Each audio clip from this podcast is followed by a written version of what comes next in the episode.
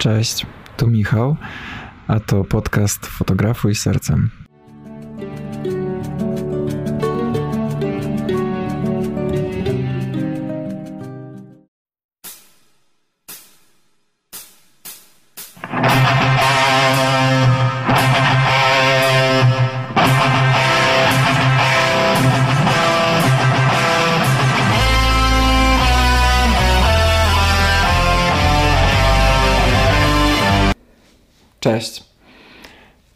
Dzisiejszym odcinku, słuchajcie, zrobimy takie duże coś, które będzie zawierało większość, jak nie wszystko, co wiem na temat fotografii ślubnej. No może nie wszystko, bo no nie będziemy o storytellingu rozmawiać, ale takie najważniejsze rzeczy chciałbym poruszyć w tym odcinku, żeby dać ludziom, szczególnie początkującym, którzy chcą się zająć fotografią ślubną, taką wiedzę w pigułce, w jednym filmie, fotografia ślubna od A do Z, co potrzebuje, czego nie i jak fotografować. Więc e, na początku pokażę Wam taki spis treści.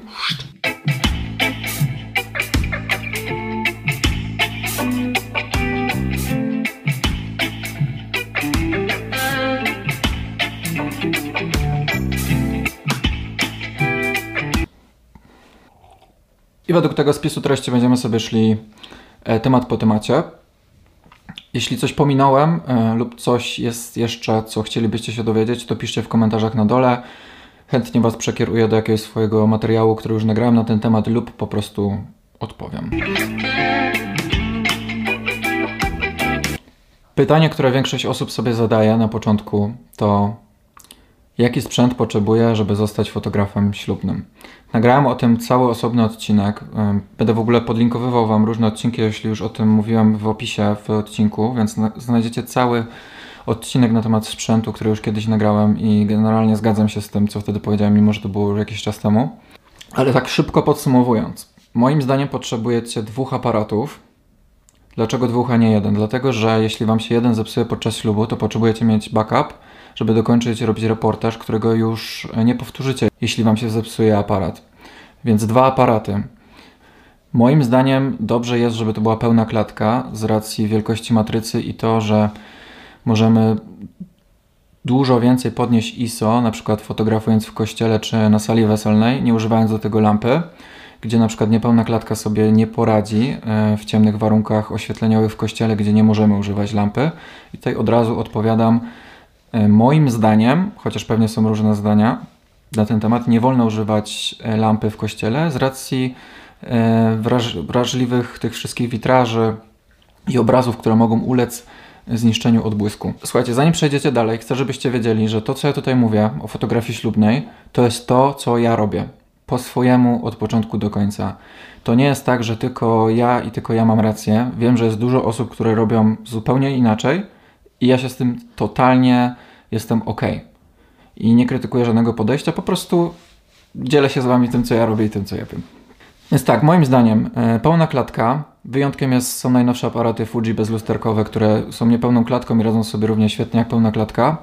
Zaczynając od takich niskobudżetowych aparatów, to jeśli chodzi o Canona, to Canon 6D już się nada, czyli na przykład dwa Canony 6D. Dalej możemy pójść w Canon 5D Mark III, a jeśli już chcesz być taki na wypasie, no to Canon 5D, 5D Mark IV lub nowy Canon EOS R e, bez lusterkowiec. Jeśli chodzi o Nikona, no to Nikon tutaj ma po prostu e, jeśli zastanawiasz się nad wyborem swojego pierwszego aparatu lustrzanego i nie masz żadnych obiektywów, to z ręką na sercu Ci polecam, żebyś sobie kupił Nikona 750D. E, jest to najtańszy i najlepszy aparat lustrzany, jaki jest na rynku, moim zdaniem który jest świetny, starczy ci na lata i zrobisz nim dosłownie wszystko. W tej cenie nie kupisz nic po prostu. Nie płaci mi za to Nikon. Najlepsze jest to, że nigdy w życiu nie robiłem e, zdjęć e, aparatem Nikon, ale po prostu znam osoby, które są dla mnie autorytetami, znam specyfikę tego aparatu i wiem, jak świetny ten aparat jest, więc Nikon 750D nothing else matter. W sensie dwa, no bo jak się jeden zepsuje, trzeba mieć drugi. Jeśli chcecie um, zaszaleć, to możecie sobie zainwestować w coś lepszego, na przykład w bezlusterkowce Nikona Z6 lub tak jak ja mam Sony A7 III, bezlusterkowy pełnooklatkowy aparat. Jeśli chodzi o obiektywy, to tu słuchajcie, macie tak naprawdę dwie opcje. Pierwsza opcja, bardziej uniwersalna, możecie zainwestować w obiektyw, który jest zmiennoogniskowy, czyli jest zoomem, którym będziecie mogli robić zarówno szersze, jak i bliższe ujęcia, nie zmieniając tak naprawdę obiektywu.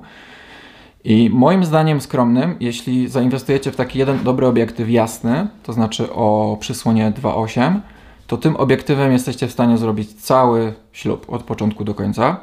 I taki obiektyw na przykład będzie obiektyw o ogniskowej 24 do 70 mm bądź 24 do 105 mm.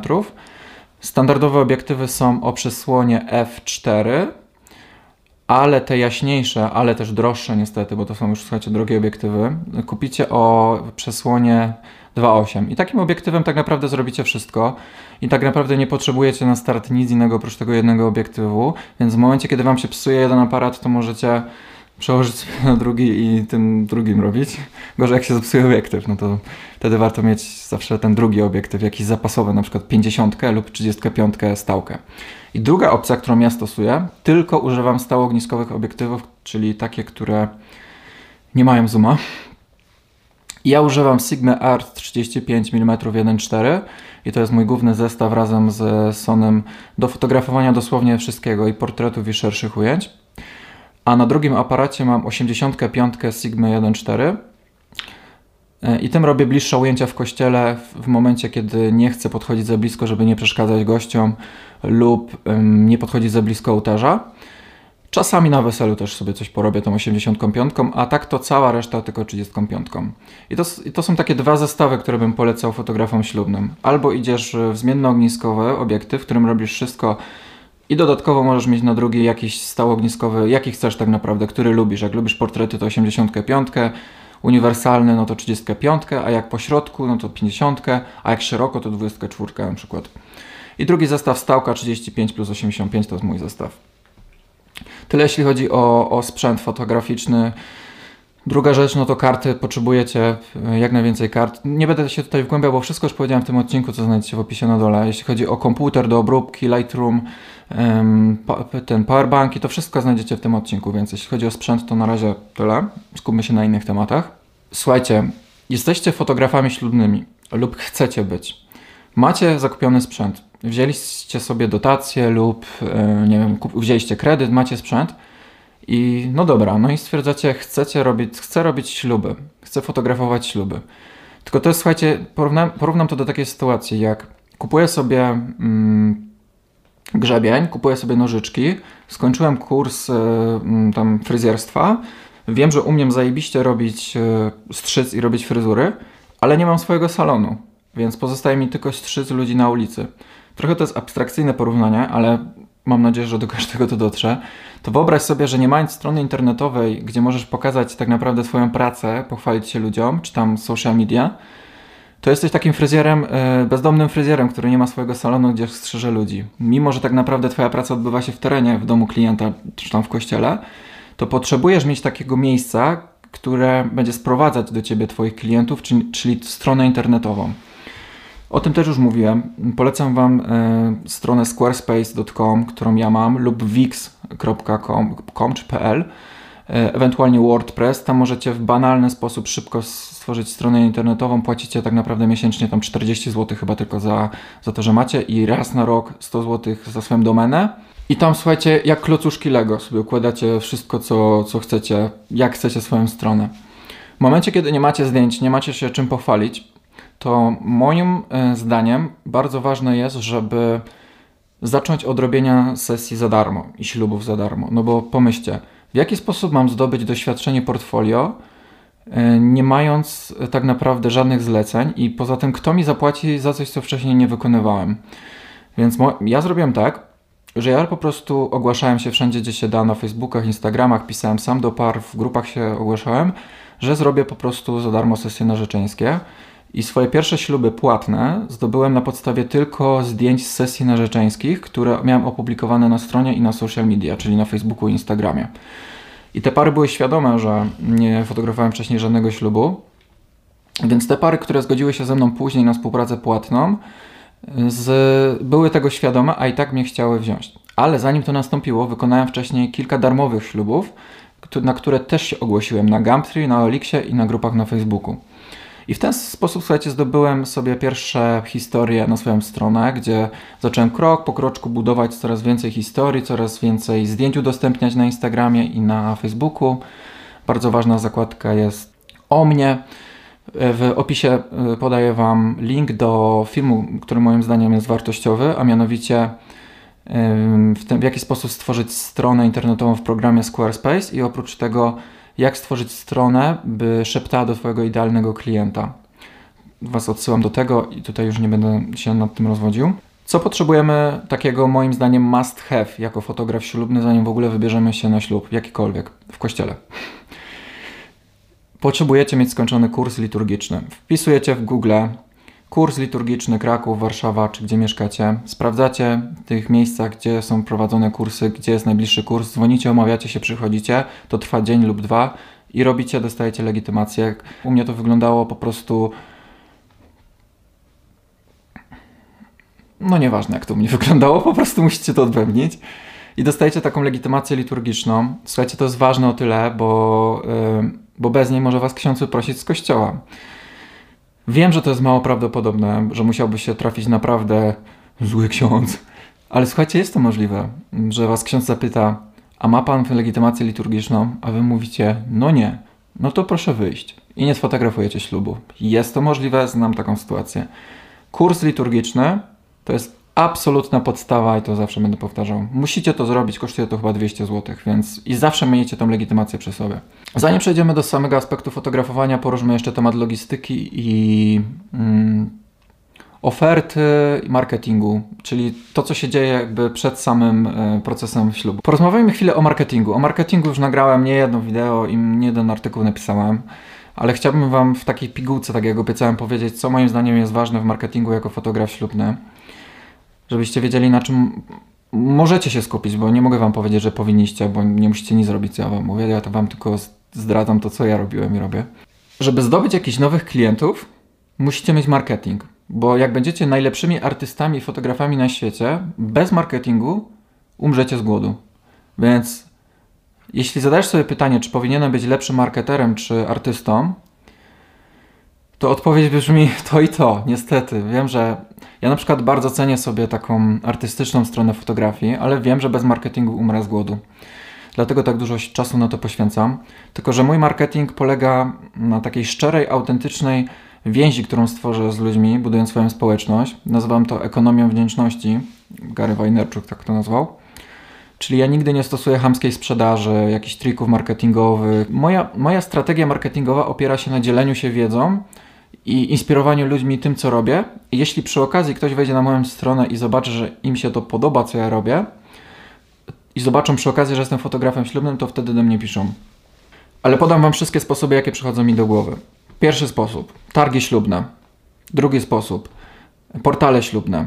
Pisujecie w Google'ach, milion Wam wyskoczy. Miałem z tego kilka zleceń. Na targach nigdy nie byłem, ale wiem, że działają, bo moi znajomi chodzą. Kolejny sposób Ogłaszacie się na grupach na Facebooku, w przeróżnych, ślubnych, nieślubnych, e, Olixach, Gumtree, jako płatni po prostu fotografowie już, non-stop, codziennie. Czy o sesję tak samo. Działa, sprawdzone, gwarantuję Wam, że będziecie mieć klientów.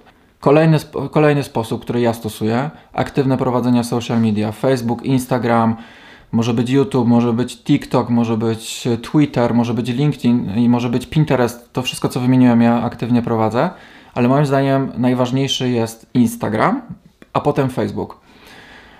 Jeśli chcesz zdobyć nowych odbiorców, e, takich, których, którzy Cię nie znają, to dzielenie się na co dzień wiedzą z Instagram, na Instagramie i taką wartością, swoimi zdjęciami, inspiracjami jest super pomysłem. Facebook natomiast bardziej służy do, do tego, żeby, żeby znajomi i rodzina Twoich obecnych klientów mogli zobaczyć, kim Ty jesteś. I teraz Wam od razu sprzedam super marketingowy sposób. Robicie sesję, czy tam ślub, udostępniacie zdjęcia z tej sesji i ze ślubu na Facebooku, na swoim fanpage'u fotograficznym, nie na prywatnym. Po czym prosicie, podając linka swojej parze, żebyście to, żeby to, ten post udostępnili nas u siebie na ścianie i wtedy wszyscy ich znajomi to zobaczą. I od razu będą mogli wejść na wasz fanpage i zobaczyć, że jesteście fotografami. E, możecie też poprosić e, o udostępnienie dalej, to wtedy się zrobi taki fajny łańcuszek to super działa i dużo lepiej to działa niż na Instagramie. Droga, słuchajcie, pantoflowa to jest też najlepszy sposób, jaki możecie zdobyć klientów. Jeśli będziecie dbać o swoich klientów, zostawicie super wrażenie na swoich klientach, to oni będą Was polecać dalej, dalej i dalej i ci kolejni znajomi będą do Was wracać, jak będą e, brać ślub. Więc tak ważna jest moim zdaniem niesamowita relacja, którą tworzycie z klientem. W opisie na dole znajdziecie taką prezentację, którą ostatnio zrobiłem. E, w niej znajdziecie właściwie wszystko od wymiany pierwszej mailowej do tego, w jaki sposób potem rozmawiać z parą, ile zdjęć oddaję, w jakiej formie, o niespodziankach i kilka bonusów, więc w opisie również znajdziecie ten artykuł, więc zapraszam do czytania. Musicie mieć swoją ofertę ślubną.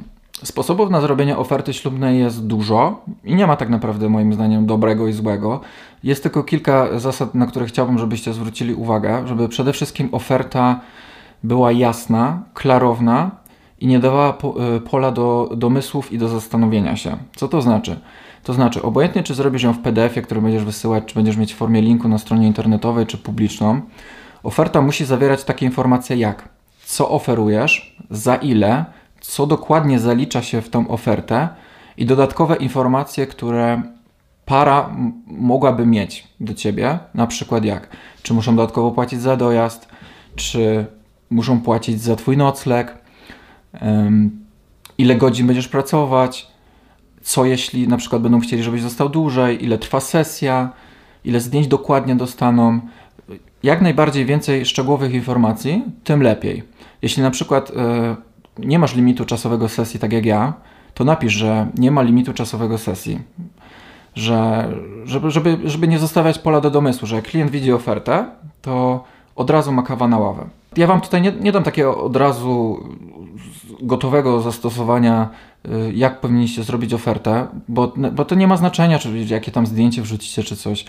Naj, największe znaczenie ma to, żeby oferta była jasna, klarowna, żeby była wyraźna czcionka, a nie jakieś tam artystyczne wygibasy moim zdaniem.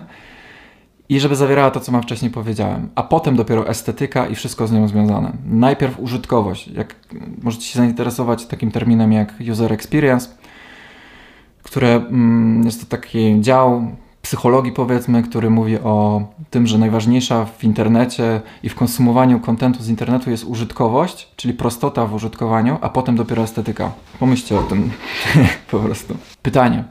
No dobra, jak zaczynam swoją y, historię z fotografem ślubną, to za ile powinienem mieć sesję, za ile powinienem mieć ślub, od czego zacząć, jak to podnosić, zmniejszać? Szczerze, to nie wiem.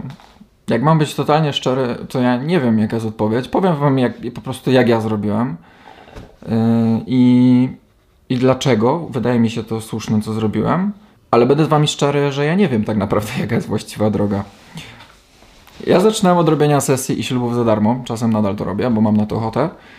Na początku miałem, e, robiłem śluby bodajże za 2 i 2,5 tysiąca złotych. To była moja pierwsza oferta. Z sesji robiłem najpierw po 200 złotych, takie portretowe i pary. Potem, jak mi przybywało tam co kilka zleceń podnosiłem troszeczkę ofertę, czyli obserwowałem jakby zainteresowanie. Jeśli zainteresowanie było coraz większe, to po troszeczkę, po 500 zł dokładałem do, do swojej oferty. I w końcu jestem na etapie, gdzie mój ślub kosztuje 4000 zł bez sesji plenerowej. Możliwe, że się to zmieni na plus lub na minus. Gdy na przykład zobaczę, że, moi, że nikt nie jest zainteresowany moją ofertą, to będę ją troszkę zmniejszał albo korygował, ale z racji, z racji inflacji, podatków i wszystkiego, co się dzieje, raczej nie zamierzam jej zmniejszać. Sesja obecnie u mnie kosztuje 600 lub 800 zł, w zależności od tego, czy na terenie Krakowa, czy gdzieś dalej.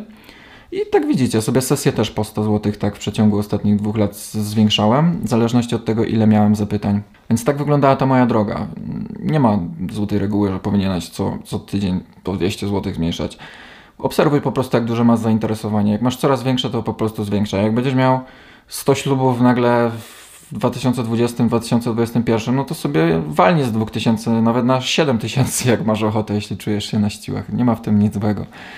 Mm, sami musicie ustalić, e, jak się cenić. Pytanie na przykład, czy mm, w takim razie ma sens fotografować ślub za 1000 zł, za 500, za 1500? Moim zdaniem ma sens, słuchajcie, wszystko ma sens. Nawet ma sens fotografować za darmo. O ile to jest coś, co cię pcha do twojego celu, żeby na przykład żyć z fotografii ślubnej, która jest twoim marzeniem, to fotografuj sobie to nawet za 2 zł. I to nie ma żadnego znaczenia. I to, co ludzie na ten temat mówią, że, a, że psujesz rynek czy coś, to się tym nie przejmujcie, bo ci ludzie nie zapłacą za was rachunków w momencie, kiedy e, będzie wam warkować, a wy macie w tym cel. Wiecie, że od czegoś chcecie zacząć więc zaczynajcie sobie od takich kwot, na jakich czujecie, że się, na siłach po prostu i tyle. A to, co mówią inni, to się tym nie przejmujcie. Specjalnie pominąłem temat lamp, ym, będąc przy sprzęcie, dlatego że ich po prostu na razie nie używam, więc się na tym nie znam. Dlatego jeśli to się zmieni, to nagram nowy odcinek, gdzie powiem Wam coś więcej o lampach. Na razie nic o nich nie mówię, bo ich nie używam w ogóle. No weselu też? Kończę jeszcze temat marketingu szybko. Co udostępniać na Instagramie, jak często i w ogóle i tak dalej. Mm. Im częściej, tym lepiej, im więcej, tym lepiej. Moim zdaniem codziennie, regularnie, co najmniej raz dziennie. I musi to być moim zdaniem content, który w jakiś sposób daje wartość Twojemu potencjalnemu klientowi. Czyli zastanów się, co może pomóc mojej przyszłej parze młodej, czego szuka moja przyszła para młodego najpierw u fotografa ślubnego, jakie, jakie, jakie może mieć pytania, a potem ogólnie. I w jaki sposób mogę dostarczyć tej osobie tę wiedzę, w atrakcyjny sposób, żeby to było fajne. Czy to w formie filmiku, grafiki, śmiesznego mema, zwykłego tekstu, cytatu, może artykułu, który udostępnisz na Instagramie. Pomysłów jest milion. Ja to robię od dwóch lat i pomysły mi się nadal nie kończą. Tak naprawdę to dopiero zaczynam, a lista się non stop powiększa. Jeszcze to mieszam z kontentem dla fotografów, bo to po prostu lubię. Więc naprawdę sky is the limit. I moim zdaniem fajnie jest właśnie połączyć zdjęcia pokazujące Twoją pracę, na przykład portfolio fotograficzne, Twoje zdjęcia tam jakieś ładne ze ślubów czy z sesji, z kontentem, który daje jakąś wartość. Czyli na przykład przypuśćmy, wrzucasz sobie dwa zdjęcia ślubne, potem wrzucasz sobie jakiś, jakiś wartościowy mem czy, czy coś, co odpowie na pytania Twojego potencjalnego klienta, czy na przykład zapytanie, E, dlaczego wybrać, jak wybrać fotografa ślubnego i na następnych slajdach pokazujesz swoje przemyślenia na ten temat lub grafikę lub filmik. I pomysłów jest milion, słuchajcie. Wystarczy, że wejdziecie na e, forum jakiekolwiek ślubne i zobaczycie, o czym rozmawiają przyszłe panny młode i z czym się zmagają i sobie po prostu spiszecie ich wszystkie rozterki pytania, ja tak zrobiłem, i zaczniecie na te pytania odpowiadać na swoim Instagramie i na social media. Po prostu. Po prostu. Dawać wartość. To jest, to jest mój sposób. Nie mam innego. Bo nie znam innych sposobów. Jeszcze z reklama, o, którym też powiem. E, o reklamie też nagrałem odcinek, to zaraz tam też w opisie znajdziecie linka. Nawet dwie, dwie, dwa odcinki nagrałem na ten temat. Więc jak tworzyć reklamę pod pary ślubne, nie będę się tu rozwodził. Jest to moim zdaniem absolutny fundament i to się zwraca. Reklamy są śmiesznie niskie, w sensie śmiesznie tanie, za to jak dużo możesz zyskać. Pomyśl o tym, że za reklamę za 100 zł możesz zyskać ślub za 4000 zł, a za 100 zł docierasz do 1000 osób. Tysiąca, którzy są zaręczeni. Ale o tym więcej w odcinkach na dole. Więc moim zdaniem reklama to jest must have. Jak ktoś jeszcze e, wejdzie na wasz profil i stronę i zobaczy na przykład bloga, że dzielisz się wartościowymi treściami, wejdzie na two, twoją zakładkę Poznaj mnie, zobaczą, że jesteś fajnym, uśmiechniętym gościem czy gościuwą i, i w ogóle jakiś masz film o sobie, to kurde, zajebisty ziom. No nie? Porozmawiamy teraz o logistyce, o całym przygotowaniu się do ślubu i o tym wszystkim związanym z, z logistyką. Słuchajcie, no pasuje tak tydzień przed e, ślubem, co najmniej sprawdzić sobie dokładnie, gdzie macie jechać i dlaczego. I dokładnie przed podpisaniem umowy porozmawiać z parą e, na ten temat, w jaki sposób się rozliczacie z dojazdem i noclegiem. To od razu jak o tym mówię, to wspomnę o umowie ślubnej. Na mojej stronie w zakładce michałbrzegowy.com sklep znajdziecie moją umowę ślubną, którą ja daję swoim parom. Jest darmowa, możecie ją sobie pobrać, zobaczcie jak ja to tam mam. Zmodyfikujcie sobie ją pod swoje potrzeby albo w ogóle zróbcie z nim co chcecie. Bardzo ważne jest, żeby w umowie zawierało się wszystko, z czym może być potem problem i niewyjaśniony. Na przykład, czy para macie zapłacić za dojazd, czy nie. Sam zdecyduj.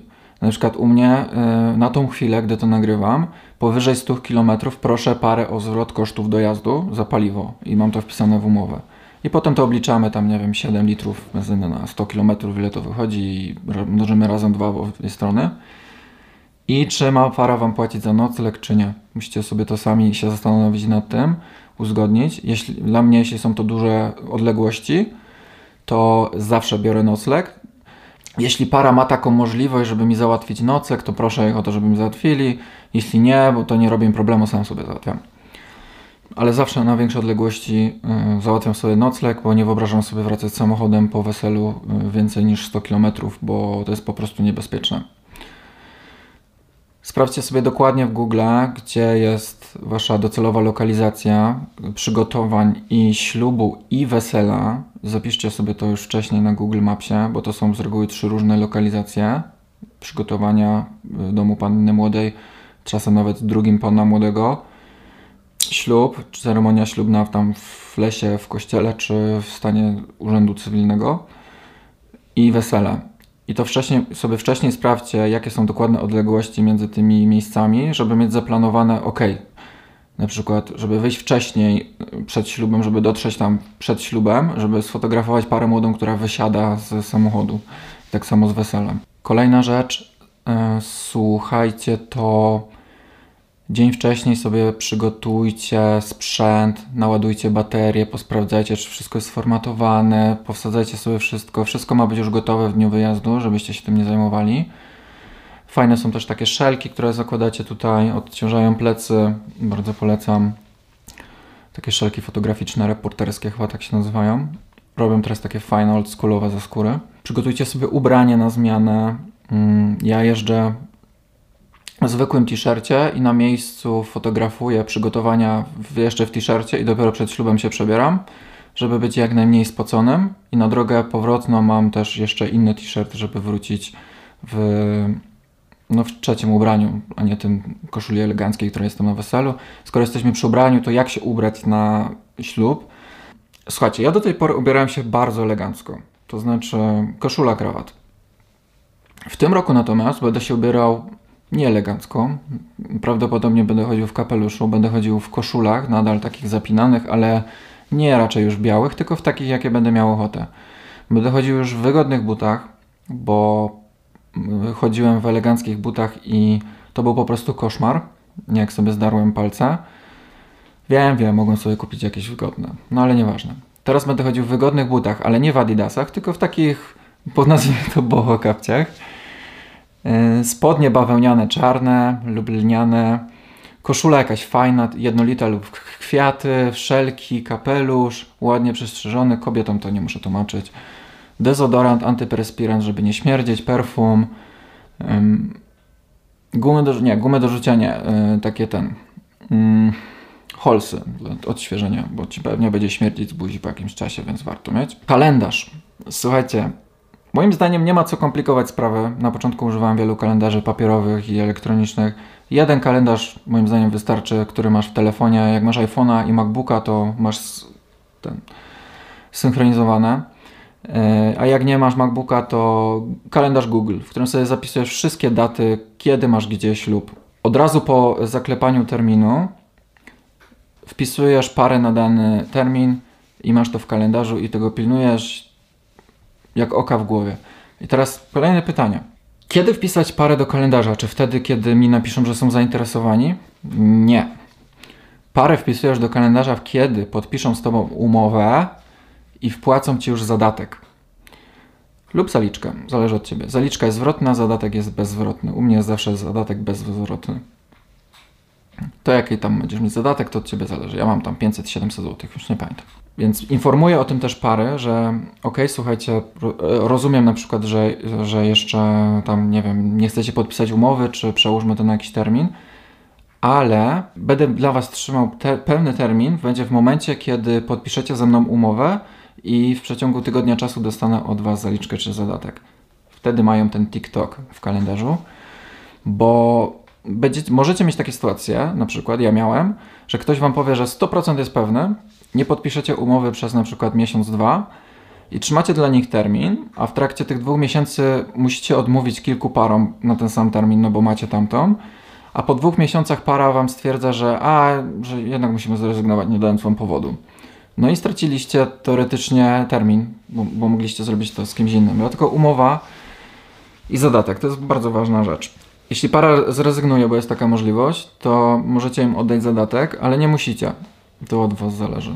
W zależności, czy na przykład komuś odmówiliście w międzyczasie, czy nie, sami musicie zadecydować, czy chcecie to robić. No i słuchajcie, jedziemy sobie na ślub, brum, brum, brum, samochodzikiem czy tym pociągiem.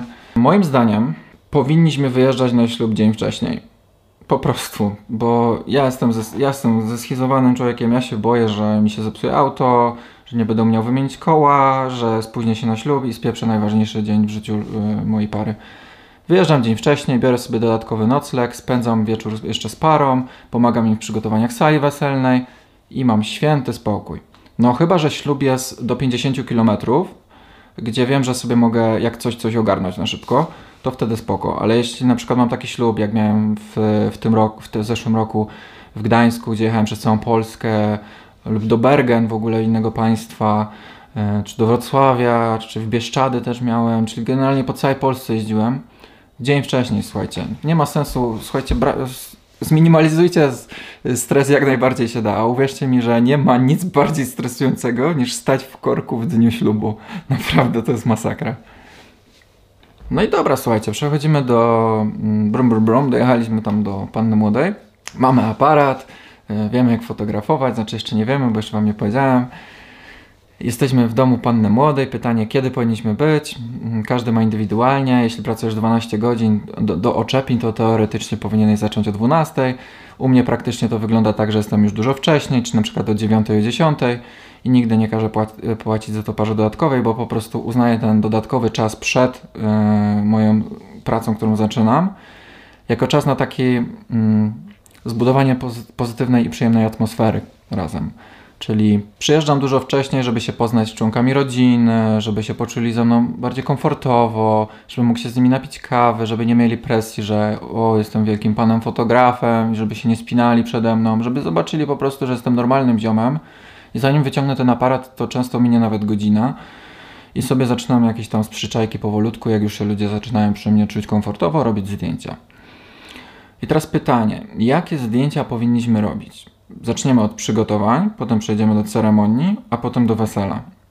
No to idziemy po kolei. Fotografując przygotowania, dla mnie najważniejsze, najważniejsze z tego jest nie to, nie ubieranie sukni przez pannę młodą. Pewnie się wszystkim może wydawać, że w przygotowaniach tylko chodzi o ubieranie się, makijaż i o detale, obrączek i tak dalej.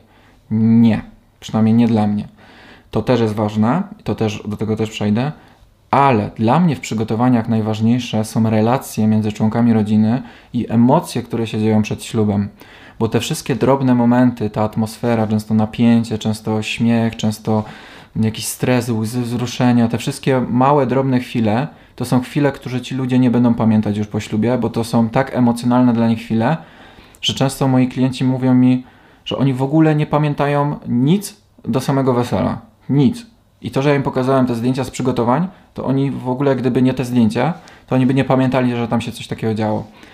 Więc dla mnie priorytetem w przygotowaniach jest pokazanie tych relacji, jak babcia rozmawia z dziadkiem, jak się coś tam podszczypują, uśmiechają się, jak dzieciaki biegają na dworze, bawią się z psami, jak ludzie się krzątają po domu, gdzieś chodzą, szukają czegoś. Te wszystkie takie drobne momenty, które mogłyby się wydawać bezwartościowe, ale tak naprawdę dla mnie mają ogromną wartość. Tak jak wspomniałem, pokazuję też otoczenie, cały dom z zewnątrz, ogród jeśli jest. Y, często moje pary mają jakiś taki duży ogród, gdzie sobie tam hodują różne fajne rzeczy, roślinki w ogrodzie lub zwierzęta mają. To wszystko fotografuję i to jest zawsze miłe zaskoczenie dla rodziny. Fotografuję też w domu takie ważne pamiątki, jak mają jakieś takie magnesiki na lodówkach, czy zdjęć, zdjęcia zdjęciom robię. To są też fajne rzeczy. Raz miałem parę muzyczną, i sfotografowałem im cały ten pokój, tam skrzypce, płyty i to wszystko i bardzo im się to podobało, fajnie, nie spodziewali się, że w ogóle e, takie detale też sfotografuję, a im się to spodobało. Słuchajcie, ważne jest, żebyście poprosili swoją parę mm, o zadbanie o jak najczystszą przestrzeń, w której będą się przygotowywać Czyli jeśli jest możliwość usunięcia na przykład opakowań po fast foodach, wyrzucenia jakichś spędnych śmieci, paczek pustych czy czegoś, to wyrzućmy to po prostu nawet sami, jeśli oni nie mają czasu, nie zawracajmy im głowy, żeby potem e, nie mieć e, na zdjęciach takich rzeczy jak na przykład pusta butelka Coca-Coli czy nie wiem, e, frytki z jakieś tam wczorajsze, no nie? Czy tam pizza, no nie? Więc to są takie rzeczy zbędne, o których możemy wcześniej pomyśleć. Pomyślcie też o oświetleniu. Zgaście wszelkie sztuczne oświetlenie w domu, nie potrzebujecie go, typu żarówki u góry, lampki, wystarczy Wam światło dzienne. Będzie dużo ładniej, zaufajcie mi. Fotografujcie przygotowania nie tylko panny młodej i pana młodego, ale również mm, rodziców. Często jest tak, że różni członkowie rodziny przygotowują się w domu i możesz na przykład z przyczajki, tylko na przykład no nie, nie rób tego z przyczajki, jak mama panny młodej jest naga, tylko upewnij się, że możesz to zrobić. Rób zdjęcia, jak się przygotowują, jak mama wiąże tacie krawat, jak, jak, jak coś sobie poprawia makijaż sama sobie, jak siostry latają, coś tam bratu też pomagają. No i oczywiście panna młoda, wiadomo, najważniejsza. Więc fotografujesz ją podczas przygotowań makijażu, efekt przed, efekt po, e, bliższe, szersze ujęcia, zdjęcia sukni ślubnych. Słuchajcie, moim zdaniem yy, dużo ciekawsze ujęcie zdjęcia sukni ślubnej będzie w momencie, kiedy panna młoda ją poprawia na wieszaku, niż tak sobie wisi luźno, co też jest spoko. Ale na przykład ja tak często proszę pannę młodą, że słuchaj, jakbyś mogła tak delikatnie poprawić na tym wieszaku tą suknię, bo coś tam jest nierówno, oczywiście to jest zawsze ściema. I ona wtedy poprawia tą sukienkę i ja wtedy robię zdjęcie i mam takie super zdjęcie, yy, mega dynamiczne, jak ona poprawia tą suknię. I moim zdaniem jest to dużo ciekawsze zdjęcie niż jak ta suknia po prostu wisi. Aczkolwiek nie ma nic złego też w takim zdjęciu, takie też możecie oddać. Zdjęcia detali, obrączki, jakieś tam detale pana młodego, buty panny młodej, pana młodego, e, kwiaty, kwiaty do włosów, biżuteria, podwiązka, krawat, szelki, kolczyki, zaproszenia ślubne, i wszystko, co może Wam się wydawać jeszcze fajne i wartościowe z tego dnia ślubu, że można sfotografować i dać parze. Detale jest fajnie fotografować w miejscach, gdzie jest ciekawe światło i minimalistyczne tło, a mianowicie e, na przykład jak, są cieka- jak jest słoneczna pogoda, to fajnie jest szukać takich załamań światła z cieniem, gdzie możemy fajnie pobawić się kształtem. Jeśli jest pochmurna lub generalnie mamy na przykład rustykalny ślub, to ja często idę na, na dwór i robię na przykład e, zdjęcia detali ślubnych w trawie albo w korze drzewa, e, w takich wiórkach i to całość podkreśla tak fajnie ten rustykalny klimat, albo na skalę położę. I wygląda to dużo fajniej niż jakbym na parapecie położył, przynajmniej tak mi się wydaje. I ubieranie sukni ślubnej przez panną młodą. Mamy dwie opcje. Albo jesteśmy od samego początku, albo jesteśmy w momencie, kiedy ta suknia już na niej wisi. Wynika to po prostu z, z tego, czy panna młoda czuje się na tyle komfortowo przy nas, by rozebrać się do bielizny albo do fentonega i ja miałem i takie, i takie sytuacje. W sensie, że panny młode i prosiły mnie, żebym przyszedł już jak był ubrany, ale i były takie, które nie miały nic przeciwko, żebym był cały czas od początku do końca. Musimy się dostosować do tego, z czym się czuje panna młoda komfortowo.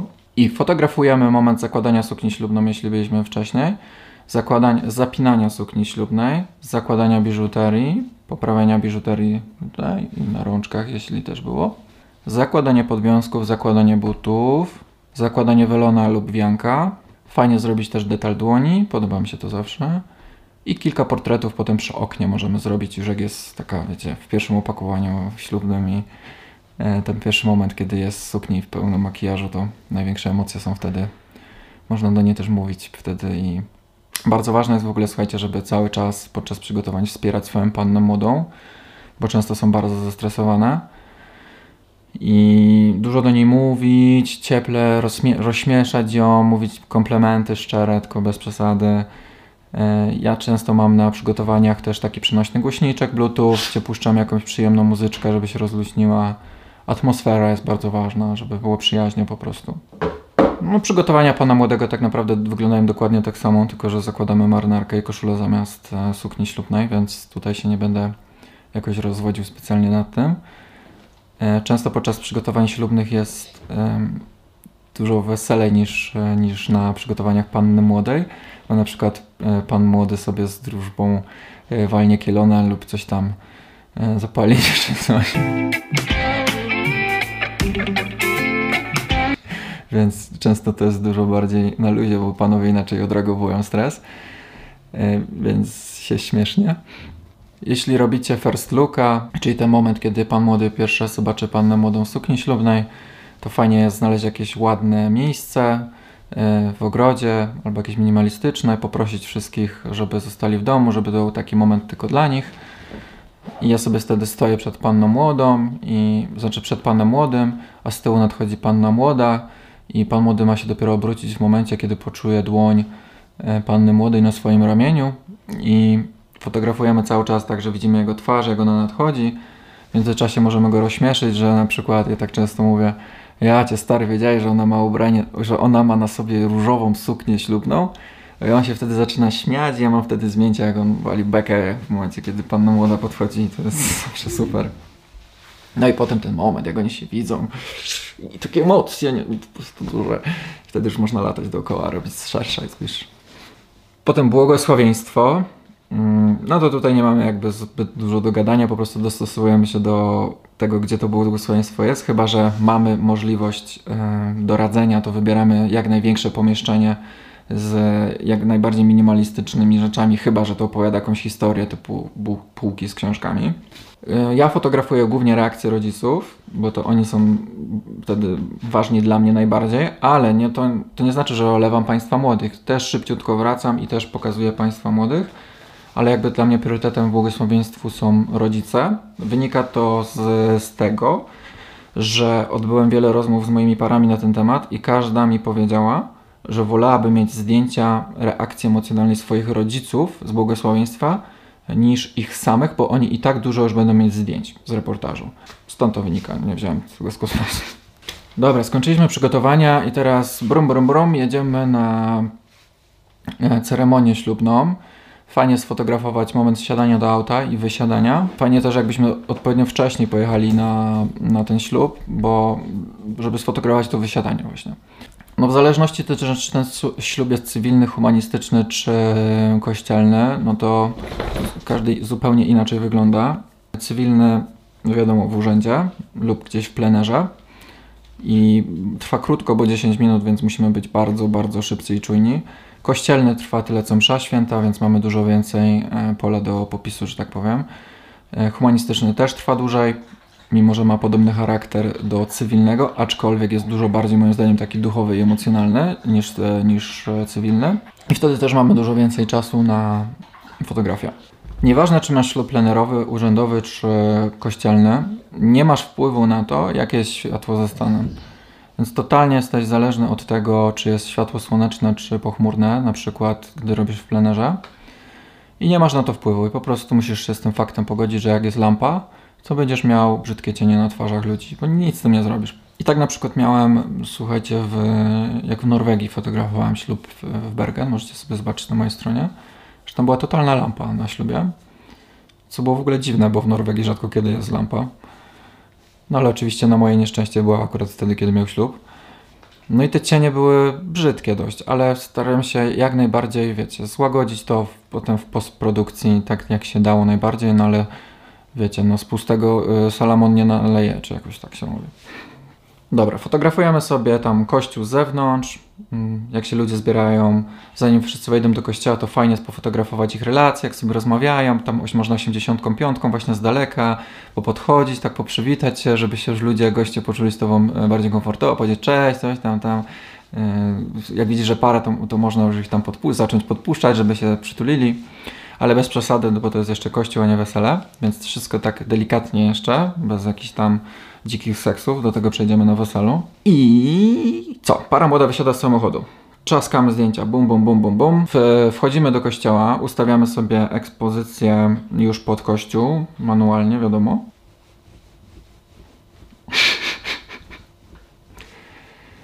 E, tak serio to możecie fotografować AV, TV, co chcecie. Ja tylko fotografuję manualnie, ale nie o tym będzie ten odcinek, jak fotografować w, w manualnie. To by trwało cały dzień. O wszystkim mówił na. Wchodzimy do kościoła i czekamy na naszą parę młodę. Para młoda wchodzi i cofając się do tyłu, delikatnie uważając, żebyśmy nie weszli w kogoś, yy, fotografujemy po prostu jak para nadchodzi i idzie w naszym kierunku. Zanim to nastąpi, możemy być już wcześniej i pofotografować gości w kościele, którzy się zbierają do środka, pokazać to szerszej i z węższej perspektywy. To jest fajny moment, bo jeszcze wszyscy są tacy mega E, rozluźnieni, a nie skupieni na mszy świętej. Ważna rzecz. Pierwsze, co robię ja, to wchodzę do kościoła, zanim się w ogóle jeszcze ktokolwiek zbierze, szukam księdza lub proboszcza, pokazuję mu sam z siebie legitymację liturgiczną, przedstawiam się kim jestem i uprzejmie się pytam, czy są jakieś momenty podczas mszy świętej, które sobie nie życzę, żeby fotografować. Słuchajcie, z tego co pamiętam z kursu liturgicznego, to na kursie mnie nauczyli tak. Nie wolno fotografować podczas mszy świętej, kiedy jest kazanie i kiedy jest wznoszony kielich, hostia do góry. To wtedy nie wolno. I nie wolno też za balaski ołtarzowe przechodzić. Balaski to są te takie barierki, yy, które są przed ołtarzem, że za nie nie wolno wchodzić. Ale z racji tego, że ksiądz to też człowiek i idzie się z nim dogadać, nie ze wszystkimi, ale idzie, pytamy go uprzejmie. Proszę księdza, czy są jakieś momenty w trakcie mszy świętej, które sobie ksiądz nie życzy, żebym fotografował? I czy w trakcie przysięgi małżeńskiej mogę troszeczkę bliżej podejść, żeby sfotografować ten ważny dla Państwa młodych moment, bo wiem, że to jest dla nich bardzo ważne, żeby to mieć na zdjęciu. Obiecuję, że nie będę przeszkadzał. I słuchajcie, bardzo możliwe, tak jak mi, ksiądz wtedy mówi, nie ma problemu, może pan sobie fotografować kiedy pan chce, tylko proszę w ogóle nie przechodzić e, między mną a parą młodą w trakcie mszy świętej, bo to może e, rozpraszać i przeszkadzać. I proszę też nie wchodzić na ołtarz, za ołtarz. Na ołtarz też. Jeśli są ten e, w kościele te takie ten organista, gdzie siedzi u góry, to pytam też, czy mogę tam wejść i sobie zrobić takie z góry szersze ujęcie. Zawsze mogłem, nigdy mi się nie zdarzyło, żebym powiedział, że nie. Tak, i to jest, słuchajcie, moim zdaniem bardzo ważne, żeby samemu wyciągnąć rękę do księdza, niż żeby udawać, że ksiądz nie istnieje i robić swoje, bo ja jestem tu, żeby pracować, więc co mnie to obchodzi, że jestem w domu Bożym. Słuchajcie, ja jestem niewierzący, a mówię z dużym, dużą, dużą dozą szacunku, bo szanuję y, to, że ktoś może wierzyć i że dla kogoś dom Boży jest ważnym miejscem i nie chcę w żaden sposób sprawić, żeby kogoś w sposób zranić, tym księdza czy czy kogokolwiek z uczestników mszy świętej. Dlatego e, podchodzę od razu do księdza i pytam, jakie on ma podejście do tego i co mogę zrobić, żeby było jak najlepiej. Bo wiem, że podświadomie, że ja tu trochę jestem takim wrzodem na tyłku dla tego księdza, który sobie lata jak tam pchła po kościele i sobie robi tylko te zdjęcia a i mu przeszkadza. Bo tak niektórzy mogą mieć, czuć, więc wyciągam pierwszy tą rękę, żeby się, dogadajmy się, żeby było dobrze po prostu. To jest moim zdaniem bardzo ważne. Nie wiem, czy tak inni fotografowie robią, ale ja tak robię i uważam, że to jest ważne. I przez to czuję się tak, się mniej stresuję też, bo ja się generalnie bardzo, słuchajcie, stresowałem fotografowaniem w kościele, bo ja się bałem, że mnie ksiądz wyrzuci, że będzie się na mnie krzywo patrzył i w ogóle za każdym razem jak nawiązywał z mną kontakt wzrokowy, to ja miałem wrażenie, że on chce mnie zabić. Dlatego, żeby sobie oszczędzić takich czarnych myśli, podchodzę przed mszą, przedstawiam się, yy, no i Generalnie spoko. Czasem zdarzą się książę, którzy coś mi tam odburkną, ale to nie zmienia faktu, że ja pozostaję zawsze miły i zawsze uprzejmy, niezależnie od, od tego, co ten ksiądz mi powie. Nigdy nie dyskutuję z księdzem. Jeśli by mi ksiądz kiedyś zwrócił, nie daj Bóg, uwagę w trakcie mszy świętej, to nie dyskutujcie z tym. Nie dyskutuję z tym. Naprawdę. Nie dyskutujcie, przeproście i, i odejdźcie, czy tam zróbcie to, co on każe. No i słuchajcie, co fotografować podczas mszy świętej? wbrew pozorom, nie parę młodą głównie. To jest największy błąd, który popełniłem na początku podczas e, zajmowania się fotografią ślubną. To jest to, że myślałem, że para młoda jest najważniejsza podczas mszy świętej, co nie jest prawdą. Z czego to wynika? Najlepsze jest to, że ja nigdy nie byłem na żadnym kursie czy warsztacie z fotografii ślubnej, jak fotografować ślub. I, ja doszedłem do tych wniosków sam po prostu, pytając moje pary. Po prostu siadałem z każdą parą i pytałem ich, słuchajcie, co jest dla was najważniejsze, żeby jakie mieć zdjęcia z mszy świętej? I mi mówili i wyciągnąłem wnioski z tych wszystkich par, które fotografowałem i na podstawie tych wniosków teraz wam coś powiem. I zanim cokolwiek powiecie, że a, bo ja na kursie się nauczyłem, czy przeczytałem w książce coś innego, odpowiedzcie mi na jedno zasadnicze pytanie. Czy robicie zdjęcia dla innych fotografów, którzy będą was oceniać, że na przykład za mało zrobiliście takich zdjęć, czy za dużo takich? Czy robicie zdjęcia dla swoich par i dla siebie? Bo ja na przykład robię zdjęcia dla moich klientów i mimo, że coś może być niepoprawne technicznie w oczach innego fotografa, mnie to szczerze nie obchodzi, dopóki moja para jest szczęśliwa i ja jestem szczęśliwy.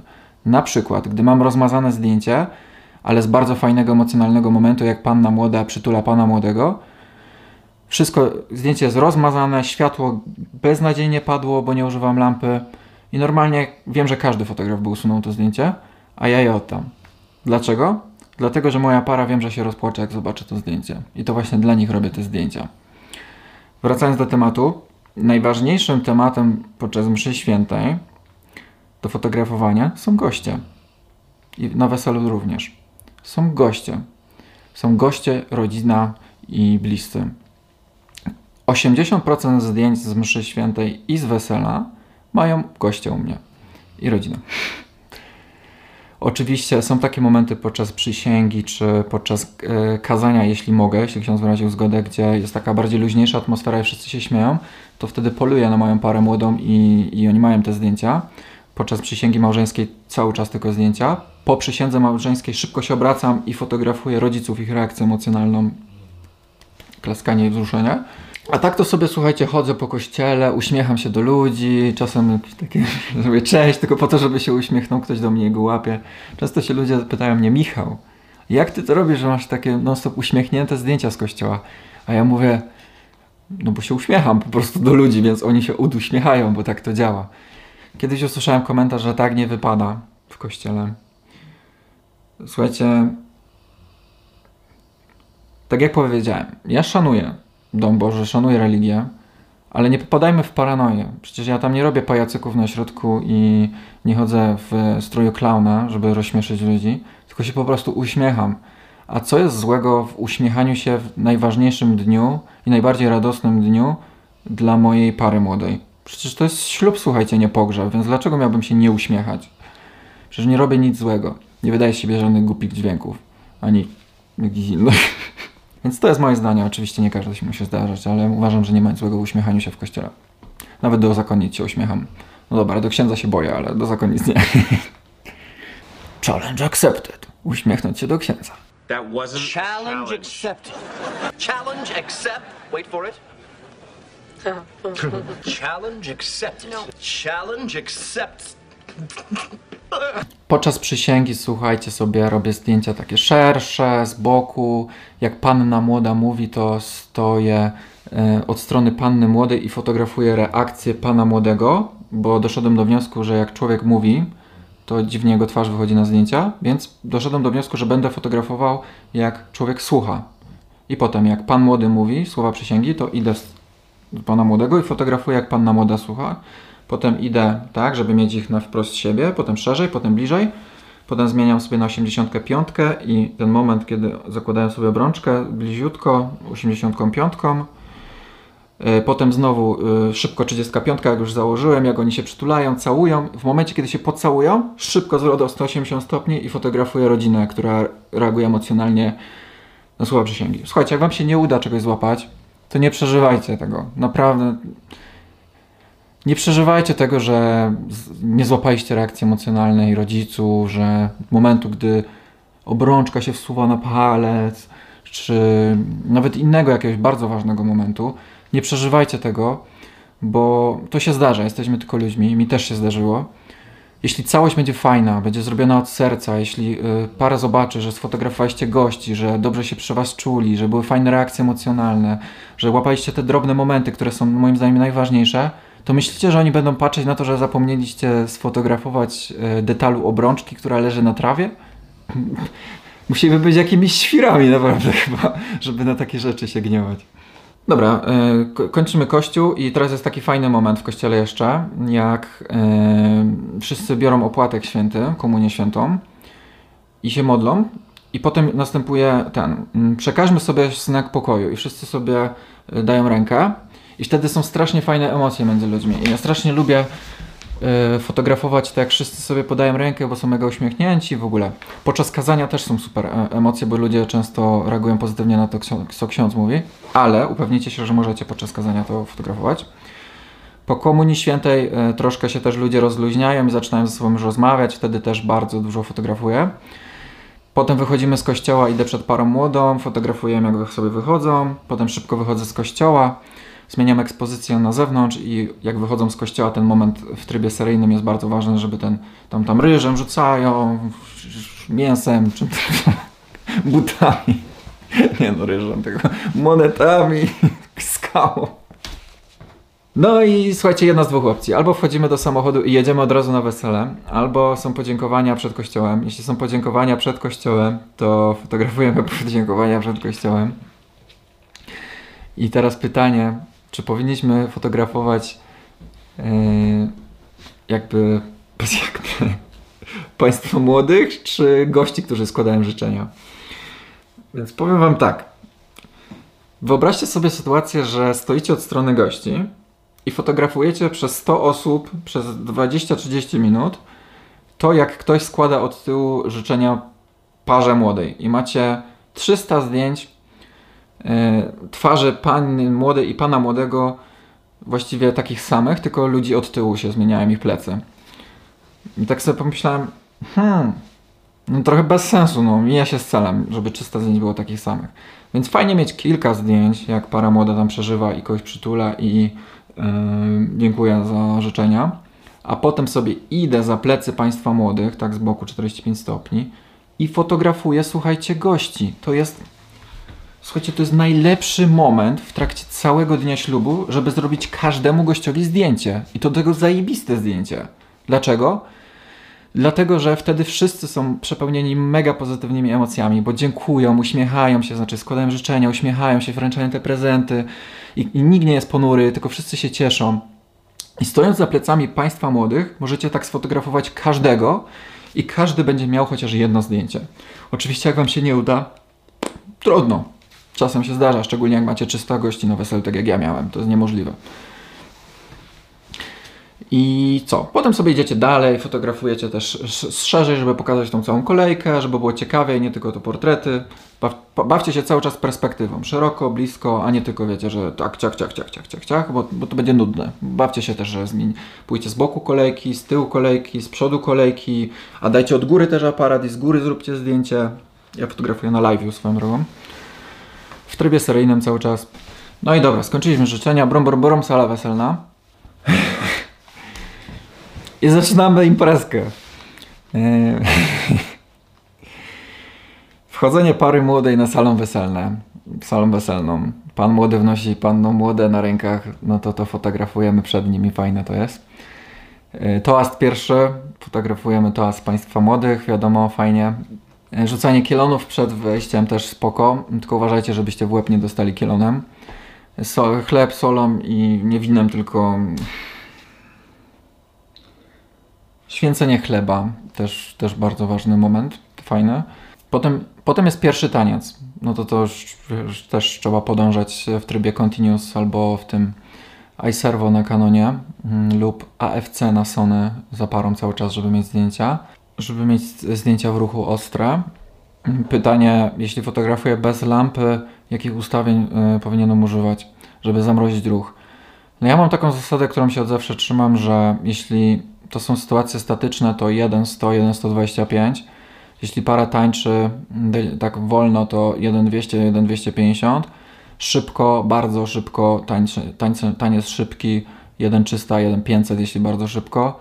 Ale słuchajcie, często specjalnie rozmywam ruch, który fajnie wygląda na 1,50, 1,20 i takie poruszone zdjęcia też są super. No i potem jemy. Nigdy nie fotografuję ludzi jedzących. Bardzo mało robię też zdjęć generalnie przy stołach. Chyba, że są jakieś bardzo fajne relacje, ale interakcje między ludźmi to wtedy tak, ale nie jak jedzą.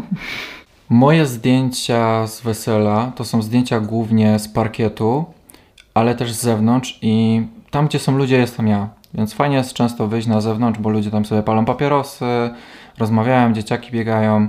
Dużo fajnych można momentów też e, złapać. Więc jednocześnie staram się być bardzo mobilny i dużo poruszać, ale jednocześnie też dużo wyczekuję takich momentów, jak ktoś na przykład zaraz wyjdzie za filara, albo czekam na parkiecie, stojąc w jednym miejscu na jakąś romantyczną piosenkę, bo wiem, że wtedy będą pary się bardziej przytulać do siebie. To są takie momenty, na które mocno czekam.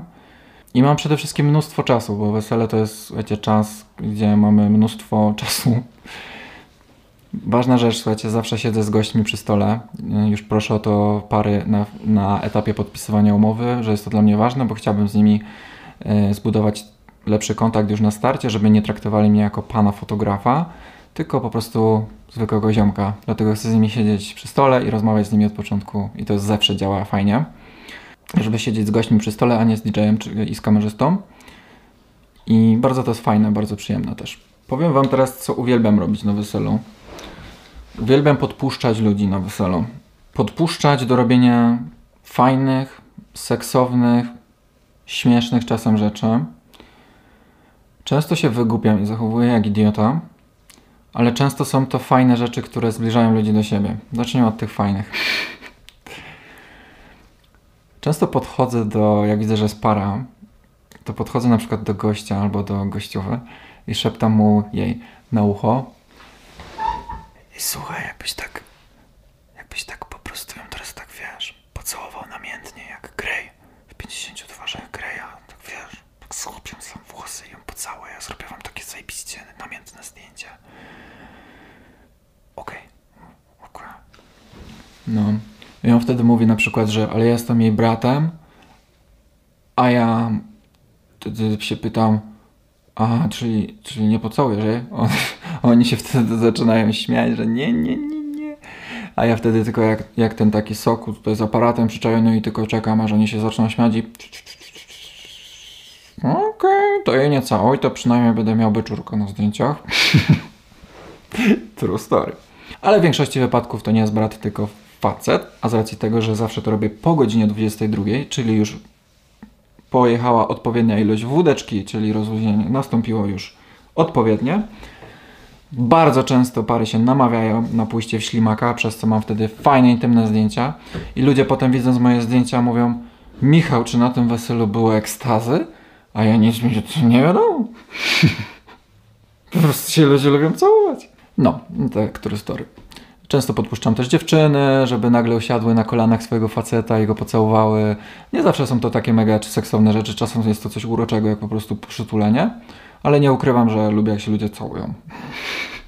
Uśmiecham się dużo do ludzi, macham do nich, wygaduję jakieś głupoty, albo komplementy mówię, że pięknie wygląda na przykład dziewczyna yy, i wtedy się uśmiecha, a ja tylko czekam, no to jeszcze uśmiechnie i jak z przyczajki ten orzeł. Generalnie staram się być zajebiście się bawić po prostu. Staram się zajebiście bawić. Czasem tańczę z dziewczynami, często tańczę z panną młodą, bez aparatu, żeby się po prostu świetnie bawić, bo wracam potem do domu i mam, słuchajcie, takie myśli. Ja pierdzielę, co to była za zajebista noc, jak ja się wybawiłem. Dlatego w ogóle nie czuję już potrzeby, żeby chodzić na jakieś imprezy, bo ja się wybawię w swojej pracy. A jakbym robił coś na siłę i, i, i myślał tylko, Boże, znowu spędzę noc z, z, z nawalonymi idiotami, to co to byłby dla mnie za frajda? Żadna. Więc się po prostu dobrze bawię, mimo że nie piję alkoholu, w ogóle nie piję alkoholu, nie tylko, że na, w pracy, to ja się, słuchajcie, czuję, czuję czasem, że ja się bawię lepiej niż niektórzy goście. Naprawdę. I ludzie się często dziwią, że jak ja się potrafię dobrze bawić, będąc w pracy, czy nie pijąc alkoholu. No mogę, no. Ale to jest bardzo ważne, żebyście trafili na klientów, parę młodą, którzy wiedzą, jacy jesteście, akceptują was tacy, takimi, jakimi jesteście, bo jak traficie na sztywniaków, no to mogą was zastrofować. Ale słuchajcie, ja już na etapie pier wymiany pierwszej wiadomości moi klienci już wiedzą, że nie jestem sztywniakiem. Nawet jak ktoś mi pisze witam serdecznie, czy dzień dobry, proszę pana, nie ma w tym nic złego, tylko wam mówię, jak zawsze moja odpowiedź wygląda. To ja zawsze odpowiadam cześć kochani, czy tam cześć Kasiu, wykrzyknik. A na końcu wrzucam swoje zdjęcie, które przed chwilą zrobiłem selfie z Momo, jak mu zakładam kapelusz na głowę i się uśmiecham. No i słuchajcie, jak ktoś jest, że tak powiem, bardzo poważną osobą, no to już na starcie jestem przekreśloną takiej osoby. Ale mnie to właśnie cieszy, bo ja właśnie chcę pracować z ludźmi, który, których to rozśmieszy, którzy stwierdzą, że kurde, zajebisty jest ten ziomek, ja muszę go mieć. I ja, mimo, że będę miał mniej zleceń, okej, okay, dopóki mam za co żyć, ja się będę przynajmniej się tym świetnie bawił, o to mi chodzi.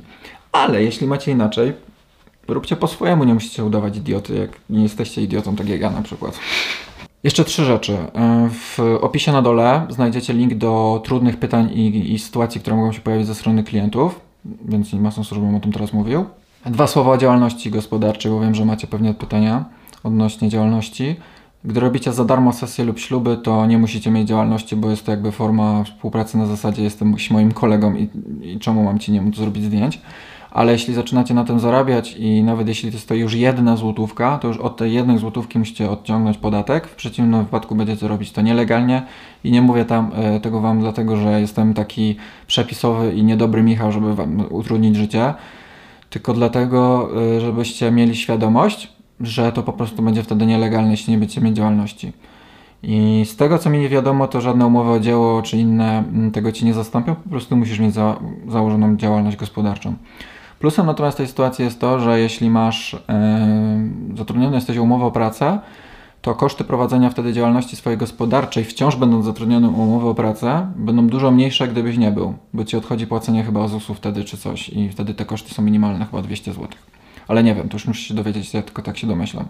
No i tyle. W większości musisz się dowiedzieć od, tak naprawdę od ludzi, którzy się bardziej znają na takich prawniczych rzeczach, bo ja tylko wiem, że mam płacić podatki księgowego, mój nic więcej.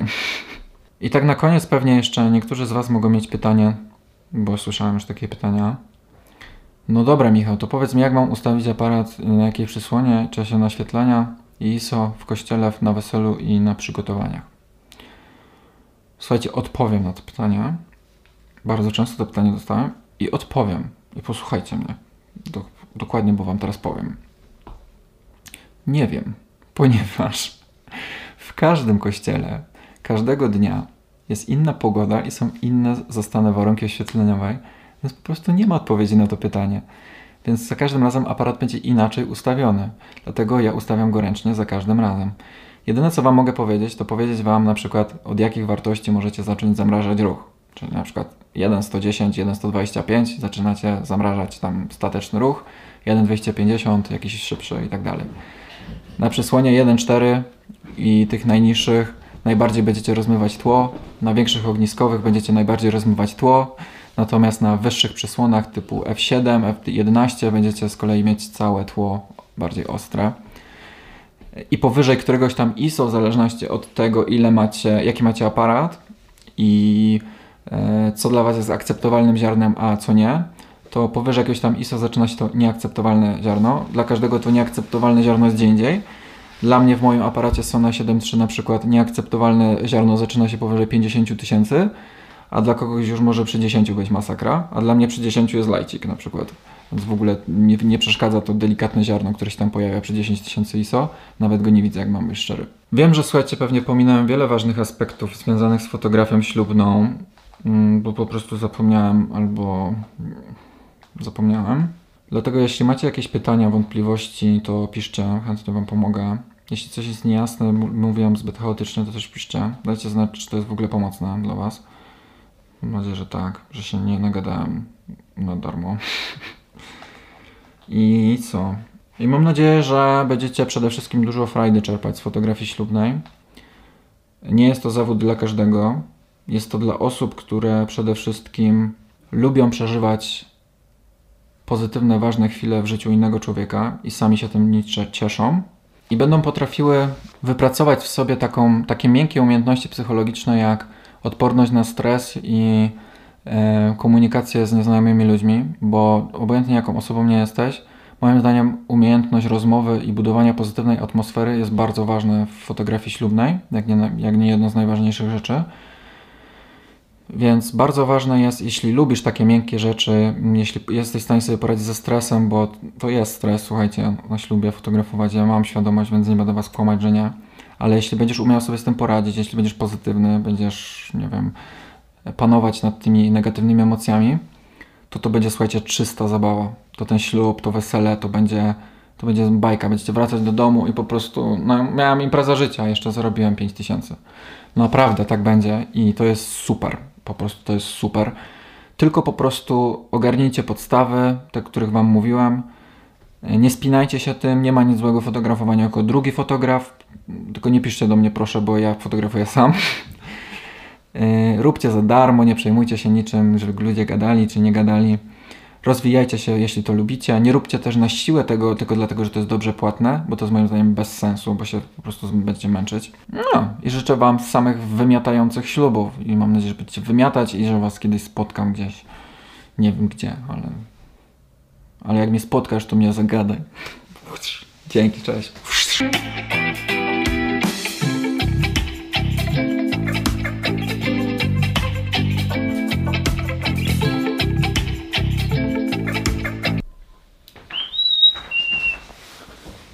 No, dzień dobry, dzień dobry, halo, siemaneczko, siemaneczko, próba generalna, siemaneczko. Sprawdzam, czy światło dobre, czy muzyczka... Nie, muzyczki nie będzie. Siemaneczku.